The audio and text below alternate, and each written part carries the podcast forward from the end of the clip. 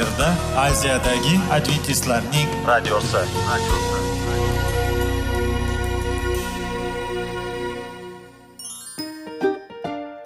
Assalomu alaykum aziz radio tinglovchilar. Sog'liq daqiqasi rubrikasiga xush kelibsiz. Zero tananing sog'lom bo'lishi va uning kasalliklardan saqlash har bir insonning burchi hisoblanadi. Inson uchun bebaho boylik bu sog'liq salomatlikdir. Uni asrash esa har birimizga omonat qilib berilgan. Shuning uchun ham inson o'z sog'lig'ini ehtiyot qilishi va ajib amallardan hisoblanadi. Dono xalqimiz sog'liq tuman boylik deb bejiz aytmagan. Aql idroq sohibi bo'lgan inson o'z hayotini qadrlashi lozim bo'ladi. Hozirgi kunda qanchalik dori darmonlar ko'paymasin tibbiy muassa sifati shifokorlar vasiyasi tibbiy texnika yaxshilanmasin. Agar insonning o'z salomatligi haqida qayg'urmasa kutilgan natijaga erishib bo'lmaydi va biz sizlarga bizning dasturimizga xush kelibsiz deymiz.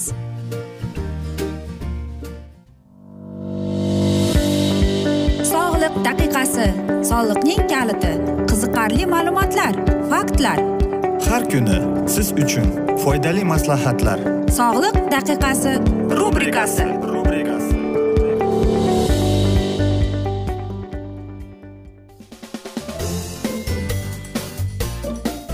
assalomu alaykum aziz radio tinglovchilar dasturimizga xush kelibsiz. Qanday qilib sog'lom bo'lish kerak degan dasturda xush vaqt bo'ling deb aytamiz. Va bizning bugungi dasturimizning e, mavzusi sog'lom munosabat salomatlik va asosi deb nomlanadi. Umuman olib qaraganda bu hayotga munosabat. Ijtimoiy hayot juda murakkab bo'lib bu hayot yoki dunyoni odam umr mobaynida asta sekin o'rganib uning qiyinchiliklarini yengib boradi. Hayotga yoshlar va kattalarning munosabati turlicha. Bola hayotga bironta voqea sodir bo'lsa u tezda ota onasi bilan maslahatlashadi. Kattalar ham hayotdagi turli xil holatlarni hal etishga qiynaladilar. O'smir va o'spirinlar nima yomon va nima yaxshi ekanligini haqida o'ylaydi. Ular nima yaxshi nima yomonligini aniq biladilar. Ko'pincha yoshlar hayotda qiyin holatga tushib qoladilar. Ular nohuja xatti harakatlarini salbiy jihatlarini tushunib yetishda va boshqa olim tajribalarini yetishmasligini tushunib yetadilar. Bunday holatlarda o'zini qanday tutishni bilmay noxushlik holatiga tushib qoladilar. Uning xulqi g'alatiroq bo'lib o'zlarini noxush sezadilar. Bu ko'pchilik yoshlarni qo'rqitadi. Ular atrofdagi odamlar bilan munosabatini yaxshilik uchun bor imkoniyatlarni ishga soladilar. Bolalar va kattalarning dunyosiga munosabati turlicha. Bolalar dunyoni o'z holida o'zi biladigan ko'chalari misolida tushunadilar. Kattalar dunyoni keng ma'noda tushunadilar. Hayotda o'z o'rnini topish bolalar uchun ham kattalar uchun muhim hisoblanadi. Har bir odam yashash mobaynida hayotga moslashib boradi. Yaxshini yomondan farq qilib boradi. Donolar shunday deydi. Sen hayotni o'zgarata olmasang unga o'z munosabatingni o'zgartir. Yoshlikdagi odamlar bilan bo'lgan munosabat uning kelgusidagi taqdirini belgilaydi. O'smirlarning odam bilan munosabati oddiy ko'r ko'rona bo'ladi. U asta sekin odamlar orasidagi munosabatlarni qoldig'ini tushuna boradi. Yoshlar kattalarni xulqini yaxshi bilmaydilar. Yosh yigitcha yoki qiz bola hali psixologik himoyalashdan foydalanishni bilmaydi. O'smirlar organizmdan gormonlar ko'p ishlab chiqariladi. Shuning uchun ba'zi hollarda tortishuvlarda o'zini to'la tuta bilmaydilar qiziqqon bo'ladilar. Yoshlarni odamlarga munosabatda odamlar haqidagi tasavvurlari asosan quyidagilardan iborat bo'lishi kerak. Ota onalarga munosabat ular haqida tasavvurlar do'stlari bilan munosabat va ular haqidagi tasavvurlar. Ular uchun zarur bo'lgan kishilarga munosabat kattalarga bo'lgan munosabat. Odamlarni bir biriga munosabati sog'lom turmush tarzini shakllanishda muhim ahamiyatga ega. Odamlar bilan bo'lgan munosabat odamni sog'lig'iga ijobiy yoki salbiy ta'sir etadi. Afsuski betaqalluflik qo'pollik bezorilik byurokratizm kabi sog'liqqa ziyod keltiradigan hayotni zaharlaydigan narsalar hali butunlay yo'qotilgan emas. Biz uyda ishxonada ko'cha kuyda bir birimizga yetarlicha e'tiborli bo'lmaymiz. Ba'zan atrofdagilarning ruhiy holatini tushunmaymiz yoki tushunishni xohlamaymiz. Hozirgi kunga e, nohaq ayblash adolatsizlik toshbag'irlik va his tuyg'ularni poymol qilish hodisalarini uchrab turadi. Bular mojaroli vaziyatlarga olib keladi. Salbiy his tuyg'ular paydo qiladi. Bunday salbiy munosabatlar oqibatida ba'zi odamlar kasalmand bo'lib qoladilar. Ba'zilarning umri qisqaradi. Albatta nosog'lom turmush tarzini keltirib chiqaradi. Odamlar biri biri bilan samimiy muloyim munosabatda bo'lishlari kerak.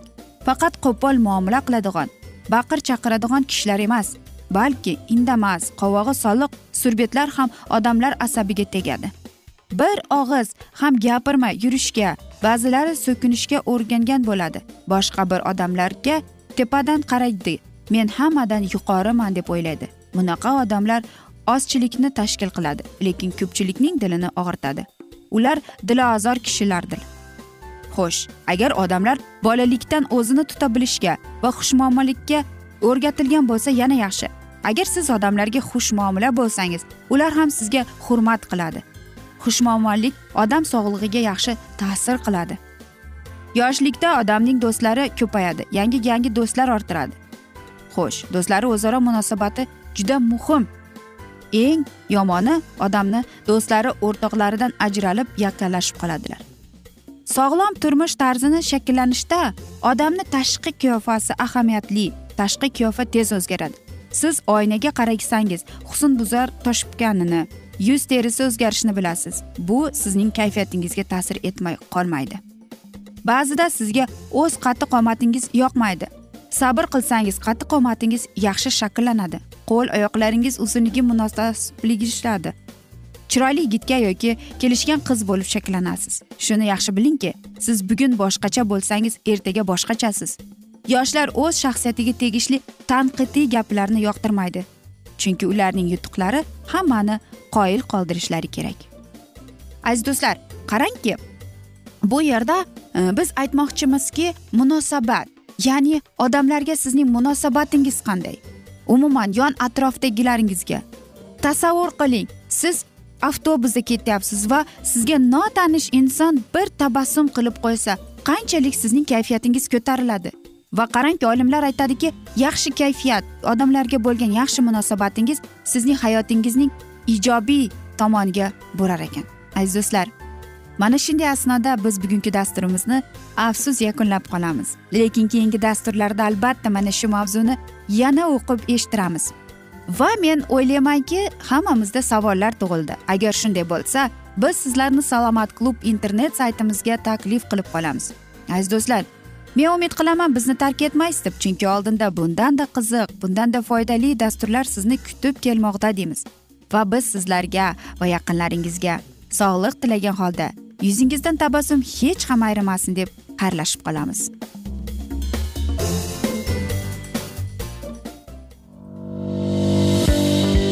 Sog'liq daqiqasi soliqning kaliti qiziqarli ma'lumotlar faktlar. Har kuni siz uchun foydali maslahatlar. Sog'liq daqiqasi rubrikasi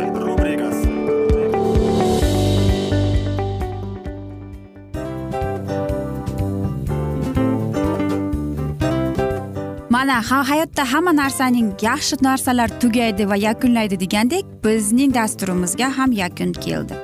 O'ylaymanki bizning dasturimiz sizga foydali bo'ldi deb aziz radio tinglovchimiz. Va siz o'zingiz uchun kerakli xulosalar kerakli maslahatlar olib oldingiz. Aziz radio tinglovchimiz biz bilan qoling va keyingi dasturlarimiz albatta undanda qiziqroq bo'ladi. Mana shu alfozda sizlar bilan xayrlashib qolaman.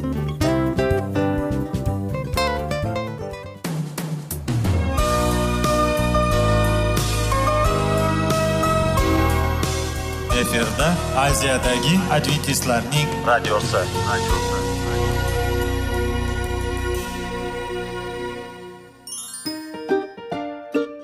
Assalomu alaykum aziz radio tinglovchilarimiz. Dil izhori dasturimizga xush kelibsiz. Pul insonni baxtli qiladimi? Albatta yo'q. Sog'liqchi? Albatta bo'lishi mumkindir. Lekin olimlar shuni isbotlashdiki to'liq va mukammal munosabatlar insonlarni baxtli qilar ekan. Albatta biz hayot davomida biz yaqin insonlar bilan odamlar bilan aloqada bo'lamiz va ular bilan munosabatlarimiz qanday kechadi qanday tuziladi? Yigit va qiz er va xotin ota ona va farzandlar va yaqin insonlar bilan. Balkim hozirgi vaqtda kimnidir hayoti yoki munosabatlari buzilyapti. Va bizning dasturlarimiz ularga yordam bo'ladi deb. Va oldinda sizlarni qiziqarli intervyular va mavzular kutyapti va biz umid qilamizki siz biz bilan qolasiz deb.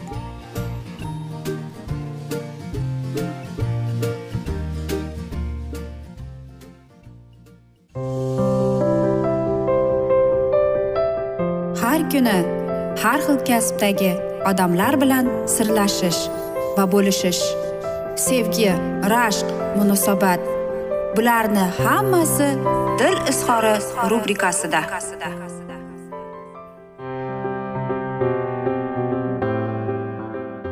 Assalomu alaykum aziz radio tinglovchilar dasturimizga xush kelibsiz. Topish va ushlab qolish degan dasturda xushvaqt bo'ling deb aytamiz va bizning bugungi dasturimizning mavzusi romantik sevgida munosabatlarning rivojlanishi deb nomlanadi. Romantik sevgi ikki kishining o'rtasidagi munosabatlarning eng ko'p tarqalgan turi hisoblanadi.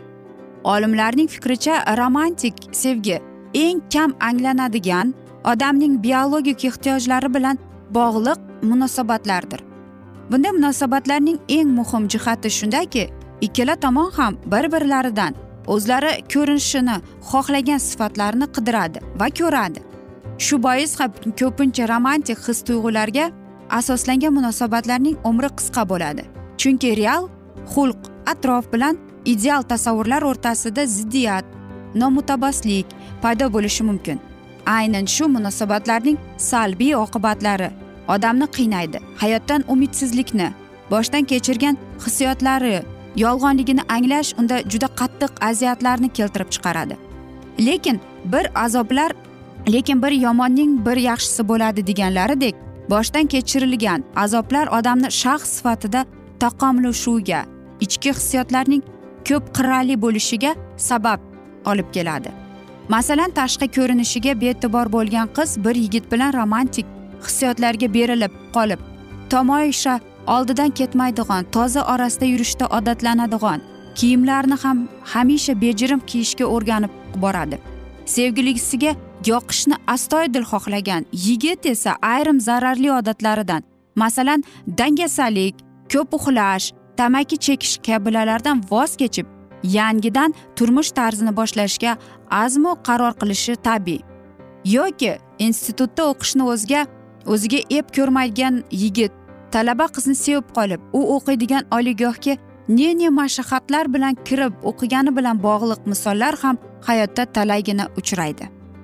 Va qarangki to'qson uchinchi yilning bir kameron degan fikricha romantik sevgi rivojlanishning yettita bosqichdan iborat bo'lib unga quyidagilar kiradi deydi. Birinchisi bu o'ziga jalb etish yangi tanishlarning bir birlariga naverbal belgilar orqali qiziqish borligini bildirish bu davrda sheriklar dilidagi istak va xohishlarni yangi tanishgan odamida mavjudligini tahlil etadi.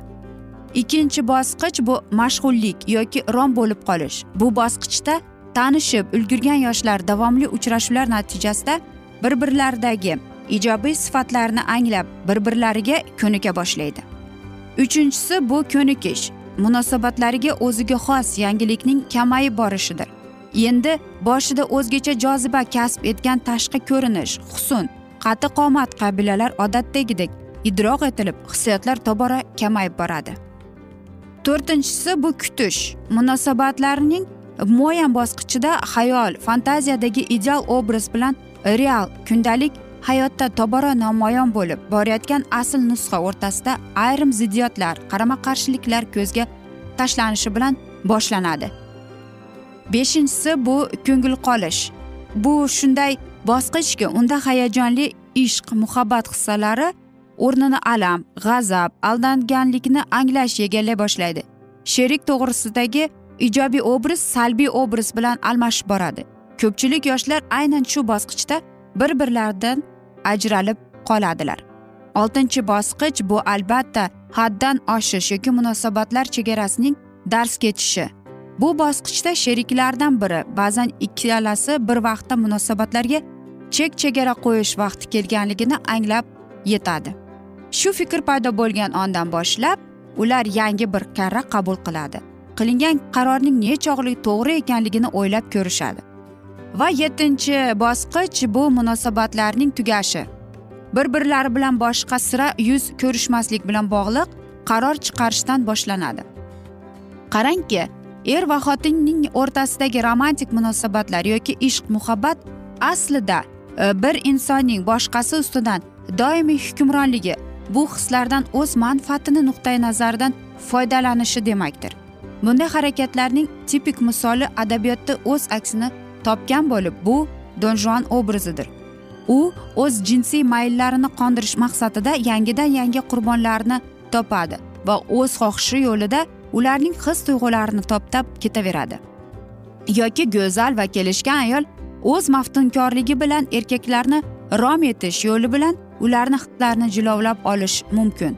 Ya'ni shostrom degan olimning fikricha har qanday ishq muhabbatda ham ana shunday manipulyativ holatlar mavjud keladi deydi. Albatta aziz do'stlar qarangki psixologlarning har xil turli gaplari bor to'g'rimi? Lekin e, bu o'ylaymanki erkak va ayol kishining umuman roliga yoki ularga tegishli emas. To'g'ri balkim achinarli holi shuki balki hayotda ham mana shunday insonlar bordir. Erkak kishi ayol kishidan foydalanadi ayol kishi erkakdan foydalanadi. Lekin bizda emas deyman. Bo'lsa ham undan kamdan kam uchraydi. Va qarang nima bo'lgan chog'ida ham agar siz mana shu yettita bosqichdan o'tib va siz e, mana shu insonni sevdingiz siz bunga e, ishondingiz bilasiz va unga siz aytaylik e, mana shunday romantik turidan to'yga o'tdingiz. Va albatta siz sevasiz va bilasiz sevimlisiz. Hech qachon ikkinchi odamni majburlab bir narsaga yo'l qo'ymasligimiz kerak aziz do'stlar. Chunki bu bizning hislarimiz. Shuning uchun ham aziz do'stlar e, bilasizmi aytishadiki hamma narsaning ham yakuni bo'ladi degandek bizning dasturimizga ham yakun kelib qoldi. Afsus vaqt birozgina chetlatilgan. Lekin keyingi dasturlarda albatta mana shu mavzuni yana o'qib eshittiramiz. Va men umid qilamanki bizni tark etmaysiz deb chunki oldinda bundanda qiziq bundanda foydali dasturlar kutib kelmoqda. Biz sizlarga va oilangizga tinchlik totuvlik tilagan holda aziz do'stlar. Va albatta seving seviling deb xayrlashib qolamiz.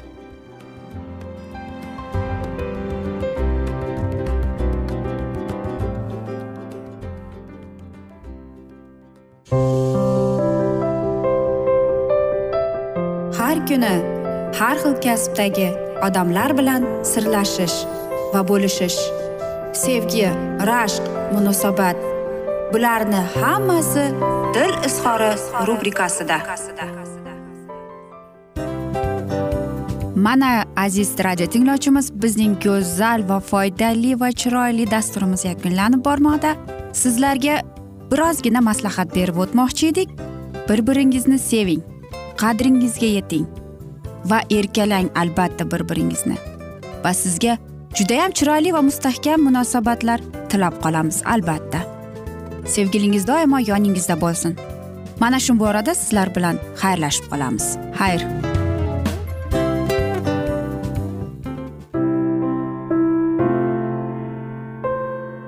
Hayotning noni. Qiziqtirgan savollar va javoblar. Buning hammasi ko'ngil uchun oziqa rubrikasida.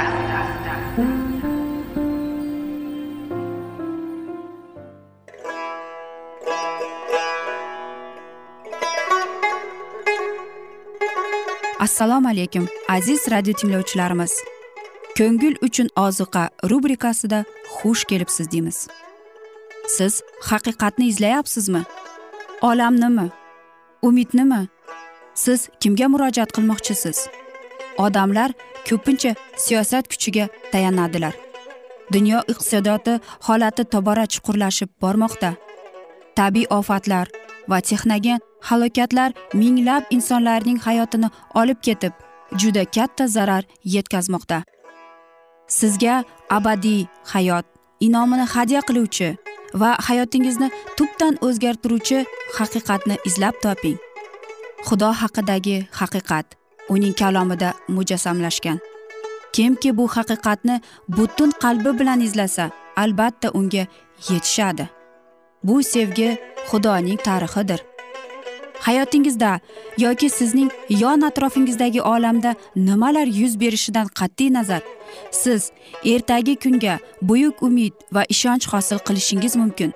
Hozirda xudo sizga taklif qilayotgan umid ishonchga o'z qalbingizni oching va sizni qiziqtirayotgan mavzularni savollaringizga javoblaringizni topib olasiz deb umid qilamiz.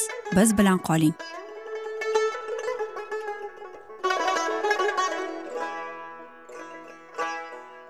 Assalomu alaykum aziz radio tinglovchilar dasturimizga xush kelibsiz. Ulug' otalar va payg'ambarlar degan dasturda xushvaqt bo'ling deb aytamiz. Va bugungi bizning dasturimizning mavzusi bu bobil minorasi deb ataladi va biz sizlar bilan o'tgan galgi mavzuni bugun davom ettiramiz. Maqsadlariga erishganda bobil mamlakatida qurilgan shahar imperiyaning poytaxti bo'lib uning shuhrati butun dunyoni zavqlantirardi va ta'zimlardi. Quruvchilarning dongi esa butun olamga yoyildi. Osmongacha ko'tarilgan minora quruvchilarning qudratiga va donoligiga yodgorlik bo'lib uning shuhratini davra davronlarga yetkazardi. Tekislikda yashaydigan xalq yer yuziga boshqa hech qachon tufon kelmaydi degan xudoning ahdiga ishonmasdi. Ko'plari xudoni umuman yo'q deb to'fon faqat tabiiy kuchlarning natijasi degan fikrda to'xtaydilar. Boshqalari esa ha tabiatdan kuchliroq bir zot bor va u tufon chiqarib qadimgi dunyoni nobud qildi deb ishondilar va qobilga o'xshab unga qarshi ko'tarildilar. Minoraning qurilishida yagona nishon ikkinchi marta yerni suv bossa panoh bo'lsin deb. Tufon suvlari shunday baland minorani qoplamaydi deb odamlar o'zlarini kelgusi xatarlardan saqlab qolmoqchi bo'ldilar. Minorani qurar ekanlar bulutlardan yuqori minib ular to'fon paydo bo'lishining sababini yetishga umid bog'ladilar. Shunda ularning iftiforligi yanada oshib ular kelgusi avlodlarni xudodan uzoqlashtirdilar va ularning e'tiborini butparastlikka jalb qiladilar. Minorani ko'rib bo'lmasdan bir bo'lagini quruvchilarga yashash uchun bo'lib berdilar. Boshqa xonalari esa boy asbob anjomlari bilan bezatildi va butlarga bag'ishlandi. Odamlar yetishgan yutuqlardan zavqlanardilar va oltin kumushdan qilingan xudolarga hamdlar aytib osmon va yer egasini qahr g'azabga soldilar. Muvaffaqiyatli ketayotgan ish to'satdan to'xtadi. Osmondan yuborilgan farishtalar odam ko'rgan rejalarni buzib yuborishga buyruq oldilar. Shu vaqtga minora juda baland bo'lib yuqoridagi joylashgan quruvchilar pastga e, bo'lganliklarga to'g'ridan to'g'ri murojaat qilolmasdilar. Shuning uchun minoraning bo'limlarida har turli balandlikda odamlar turib bir biri orqali yuqoridan kelgan buyruqlarni pastga o'tkazib aytardilar. Shunday qilib amaliy ko'rsatmalarni berib va olib turgan paytda to'satdan odamlar bir birini tushunmay qoldilar. Chunki har biri boshqa noma'lum tilda gapira boshladi. Endi pastdan uzatilgan narsa yuqorida kerak emas ekan bo'lib qoldi. Dovdirab odamlar tashvish torta boshladilar. Ish to'xtadi. Endi birgalikda ish yuritishda ham gap yo'q bo'ldi. Ro'y bergan hodisani izhor etolmay ular bir biridan achchiqlanib gina qila boshladilar va oqibatda birgalikda qilayotgan ish to'xtadi. Vaziyat talash tortishga aylanib qon to'kildi. Xudo g'azabining shohidlari bo'lgan chaqmoq osmondan chaqnadi. Va minoraning tepasini e, buzdi. Shunda odamlar osmonda parvardigori olam hukmdor ekanini tan olishga majbur bo'ldilar. Shu paytgacha butun xalq bir tilda gapirar edi. Endichi kim qaysi tilda tushunsa shu guruhga qo'shildi. Birlari bir tomonga ketdilar ikkinchilari esa boshqa tomonga. Shunday qilib xudovand odamlarni u joydan butun yer yuziga tarqatib yubordi. Odamlar yer sharining butun joylarida istiqomat qila boshladilar. Ular xudoning niyatiga qarshi chiqdilar va mag'lubiyatga uchradilar. Xudoning niyati bajarildi lekin unga qarshi isyon ko'targanlar qanday azoblarga duchor bo'ldilar. Uning maqsadiga munosib insonlar yer yuziga tarqalib yerning har tomonida davlatlar barpo etsinlar va ayni zamonda xudoning irodasini idroq etishlarini namoyon qilib kelgusi avlodlarda ham haqiqatning nuri porlasin edi. Haqiqatning sodiq voizi nuh payg'ambar to'fondan keyin yana uch yuz ellik yil yashadi. Som esa besh yuz yil. Ular xudoning inoyatiga sazovor bo'ldilar va bu erlarning sharofati bilan avloddan avlodga tangrining inoyatiga yetishib uning talablari bilan tanishish uchun imkoniyatlar yaratildi. Lekin insonlarga shunchalik ko'ngilsiz bo'lgan haqiqatlarni eshitishga toqatlari yo'q edi. Jonlarida xudo to'g'risida bilimni saqlashni xohlamasdilar va keyinchalik tillarini aralashganidan keyin ko'pincha haqiqat nurini beradiganlardan uzoqlashtirdi. Bobil minorasini ko'rgan e, odamlarda xudovandga nisbatan norozilik ruhi hukmron edi. Odam atoga sazovor bo'lgan ilohiy inoyatni minnatdorchilik bilan xotiradan kechirmay nuh payg'ambar ila qurilgan ahdni eslamay ular birinchi oila adandan haydab chiqarilgan uchun va birinchi dunyo to'fon suvlari bilan nobud bo'lgani uchun xudovandni shafqatsizlikda aybladilar. Lekin xudovand g'azablanar ekan ular eng shafqatsiz janobning qo'llariga aylandi. Masih o'limining ramzi bo'lgan qurbon keltirishga shayton kuchi barcha odamlarning qalblarida nafrat tug'dirishga tirishdi. Xalqning aqli butparastlikdan ojizlangani uchun shayton qurbonining ma'nosini umuman o'zgartirib shu qurbonga tahlid qilmoqqa o'rgatdi. Ya'ni xudolarga o'z farzandlarini qurbon keltirishga. Aziz do'stlar qarangki dahshat albatta bu bizdan bo'lgan va bu mana shu narsalar hammasi muqaddas kitobda injilda yozilgan. Biz esa mana shunday asnoda bugungi dasturimizni yakunlab qolamiz chunki vaqt birozgina chetlatilgan. Lekin keyingi dasturlarda albatta mana shu mavzuni yana o'qib eshittiramiz. Aziz do'stlar va sizlarda savollar tug'ilgan bo'lsa biz sizlarni adventis tochka ru internet saytimizga taklif qilib qolamiz. Va umid qilamizki bizni tark etmaysiz deb chunki oldinda bundanda qiziq va foydali dasturlar kutib kelmoqda deymiz. Aziz do'stlar biz sizlarga tinchlik tilagan holda xayrlashib qolamiz.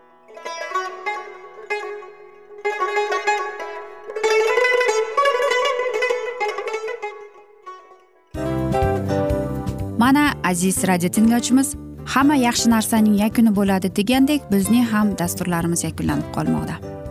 Aziz do'stlar o'ylaymanki bizning dasturlarimiz sizlar uchun judayam foydali bo'ldi deb bizning dasturlarimizdan siz o'zingizga foydali va judayam kerakli maslahatlar oldingiz deb. Masalan sog'liq borasida biz sizlarga sog'liq tilaymiz albatta lekin bizning maslahatlarimizga ham amal qilishga unutmang. Munosabatlarga kelganda bu munosabatlar chuqur va yaxshi bo'lishi uchun uni ustidan ishlash kerak albatta. Diniy masalaga kelsak aziz do'stlar bu judayam jiddiy va chuqur nazarni talab qiladi. Ammo biz sizlar bilan xayrlashib qolmaymiz keyingi dasturlarda eshittirishimizni davom ettiramiz va sizlar bilan mana shu yaxshi kayfiyatda xayrlashib qolamiz. Va keyingi dasturlarda ko'rishguncha xayr!